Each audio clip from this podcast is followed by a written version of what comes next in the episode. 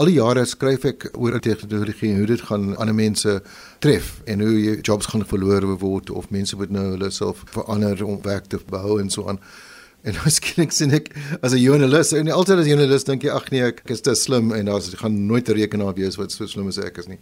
Toe kry, sien ek hierdie ding dit is openai.com uh, chat.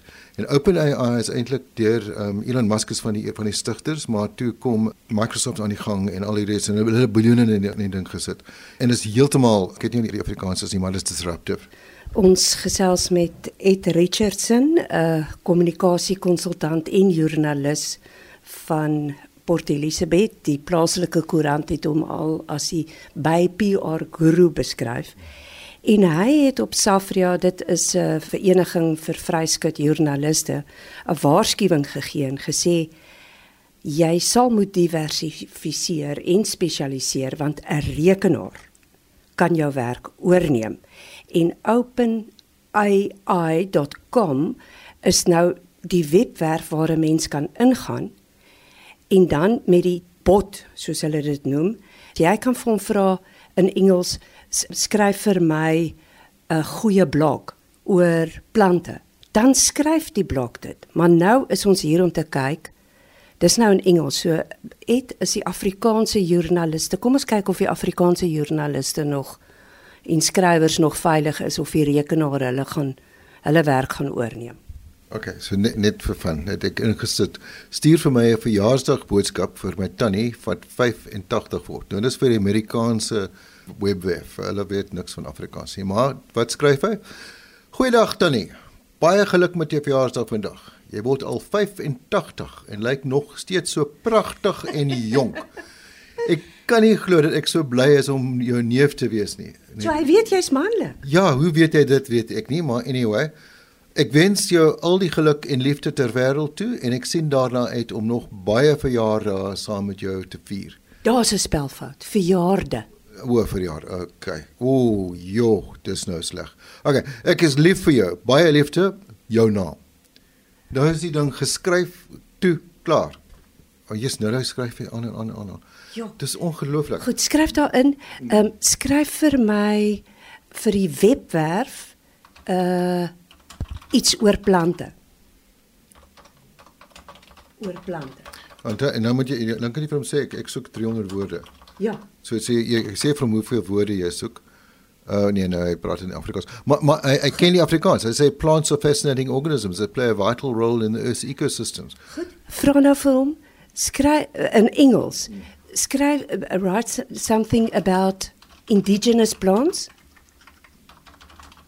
It needs to be in Afrikaans.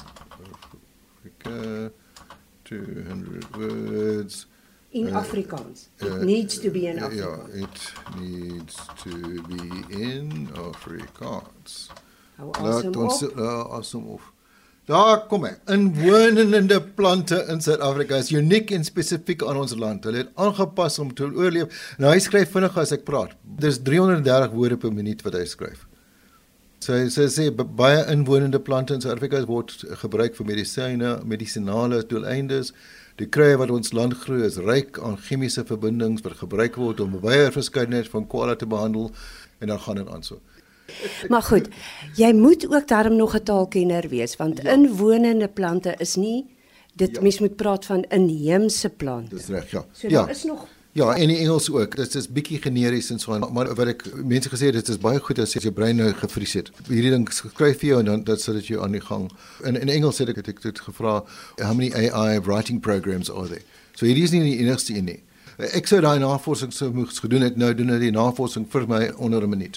So daar's Chat GPT-3, daar's OpenAI, there's Hugging Face, Grammarly, Writeful and so on. En en weet Google doen nou reeds vertalings. So jy kan 'n basiese vertaling vir niks deur Google kry. Die, die probleem vir my is is die, die nuwe generasie joernaliste of skrywers, waar kry hulle nou ondervindinge? In PE is daar nou eh, ten minste een advertensiemaatskappy wat AI gebruik om basiese design te doen. So alreeds daar's heelwat van daai goed eh, wat beskikbaar is. So ja, as as jy ondervinding het en jy werk hard daarop en en so aan, kan jy iets anders doen. Maar die probleem is met die jong mense, waar kry hulle 'n nou ondervinding? Die rekenaar doen dit al reeds. Goed, ek sien jou hond Molly het nou net hier ingestap. Kan. S skryf net daar nou weer by die ehm um, hierdie slim rekenaar webwerf chat.openai.com. Ja, ja. Skryf daar in please write me an essay in 3 100 words on poodles. Want Molly is 'n poedel. Yeah. Poodles are a popular breed of dog known for their intelligence, athleticism, luxurious coats. Three sizes of poodles, toy, miniature, and standard. They're thought to have originated in Germany, where they're bred as water retrievers. Toy poodles are known for their versatility and often used. Hy skryf onder jou uit. Nee, ek kan ek, kan dit by. Hy is twee paragrawe voor my. Hoekom ek gevra het vir 'n essay want dit is 'n opstel. So skoolkinders kan nou kroek. Ja, as jy op die uh, internet kyk, is dit 'n baie groot probleem. En die plagiaatprogramme tel dit nie op as plagiaat nie, want hy, hy vat soveel bronne en dan sit hulle dit mooi bymekaar en herskryf dit. Wat hierdie ding kan nie doen nie. Ehm um, hy, hy kan nie 'n onderhoud met jou doen nie. Hy, hy kan nie 'n onderhoud vat en en dit analiseer en dit mooi lekker skryf nie. Maar miskien kan ek. Kom ons I want an interview with Joe Biden. Okay. Dit sal nou in Engels wees. In Amerikaans. Ah, yay! Ons gewen. I say, I'm sorry, but I'm an artificial intelligence and I do not have the ability to co- conduct interviews with real people. Goed so. So so dit beteken joernaliste gaan almal uit die kantoor moet gaan Ja. en hulle werk gaan doen ja. en net 'n Ja. ander benadering. Ja, so ons die ou lui ding waar jy nou gebruik om navorsing te doen op die internet en vat quotes van Twitter af en al daai goed kan jy nie meer doen nie. Jy moet eintlik weer uitgaan in die veld en en met er, lewende mense praat. As jy jouself wil onderskei. As jy 'n job wil hê. Maar die skoolopstelle bly nog 'n probleem. Maar nie is die so skoolopstelle die, die uh, universiteit. So ehm um, gee my tell me about ehm um, tell Hy het nou so geskrik toe jy hom vra vir 'n onderhoud. Hy wil Oor nie- Stalin, ja. okay, so we just redone it. Okay, so wat wat jy gevra?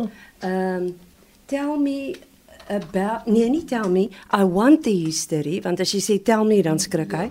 I want the history of South Africa in Afrikaans. Okay, in 500 words and in Afrikaans. Okay, dis dat is Geskiedenis van Suid-Afrika kan verdeel word in 5 hoofperiodes. Die vroegste tydperk van menslike aanwesigheid tot die 7de eeu, die periode van Europese kolonisasie en slawery van die 7de eeu tot die 9de eeu, die periode van konsolidasie van Britse beheer en uitbreiding. Daar's die San en die Khoi ook, apartheid ja, ja. en die jagters interessant versamelaars. Ja. Dit is in Nederland, so Dit is, ja, hulle ja. hulle leen uit Nee, dis ongelooflik. En dis nou Afrikaans. Dis dis dis dis wat weet die Amerikaners van Afrikaans? Ja, as indigene bevolking, dan kan jy net sê inheemse soos die Ja, in 1948 het die Netparty aan bewind gekom en beleid van rassistiese skeiding in of apartheid implementeer. Ja, so onderwysers, lektore, al daai mense sal vir opleiding Ja. moet gaan. Ja. En die helfte van die, die probleem met die, goed wat mense op hulle webwerf insit, hulle nog nie besef hoe belangrik daai content is nie. Hulle sit net woorde daarop en daai woorde moet nou baie mooi en slim geskryf word om beter wees as hierdie. So want die algoritmes stoor al hierdie inligting en verwerk dit nou in hierdie wat ons nou op die skerm Ja. sien. Ja, dis magic.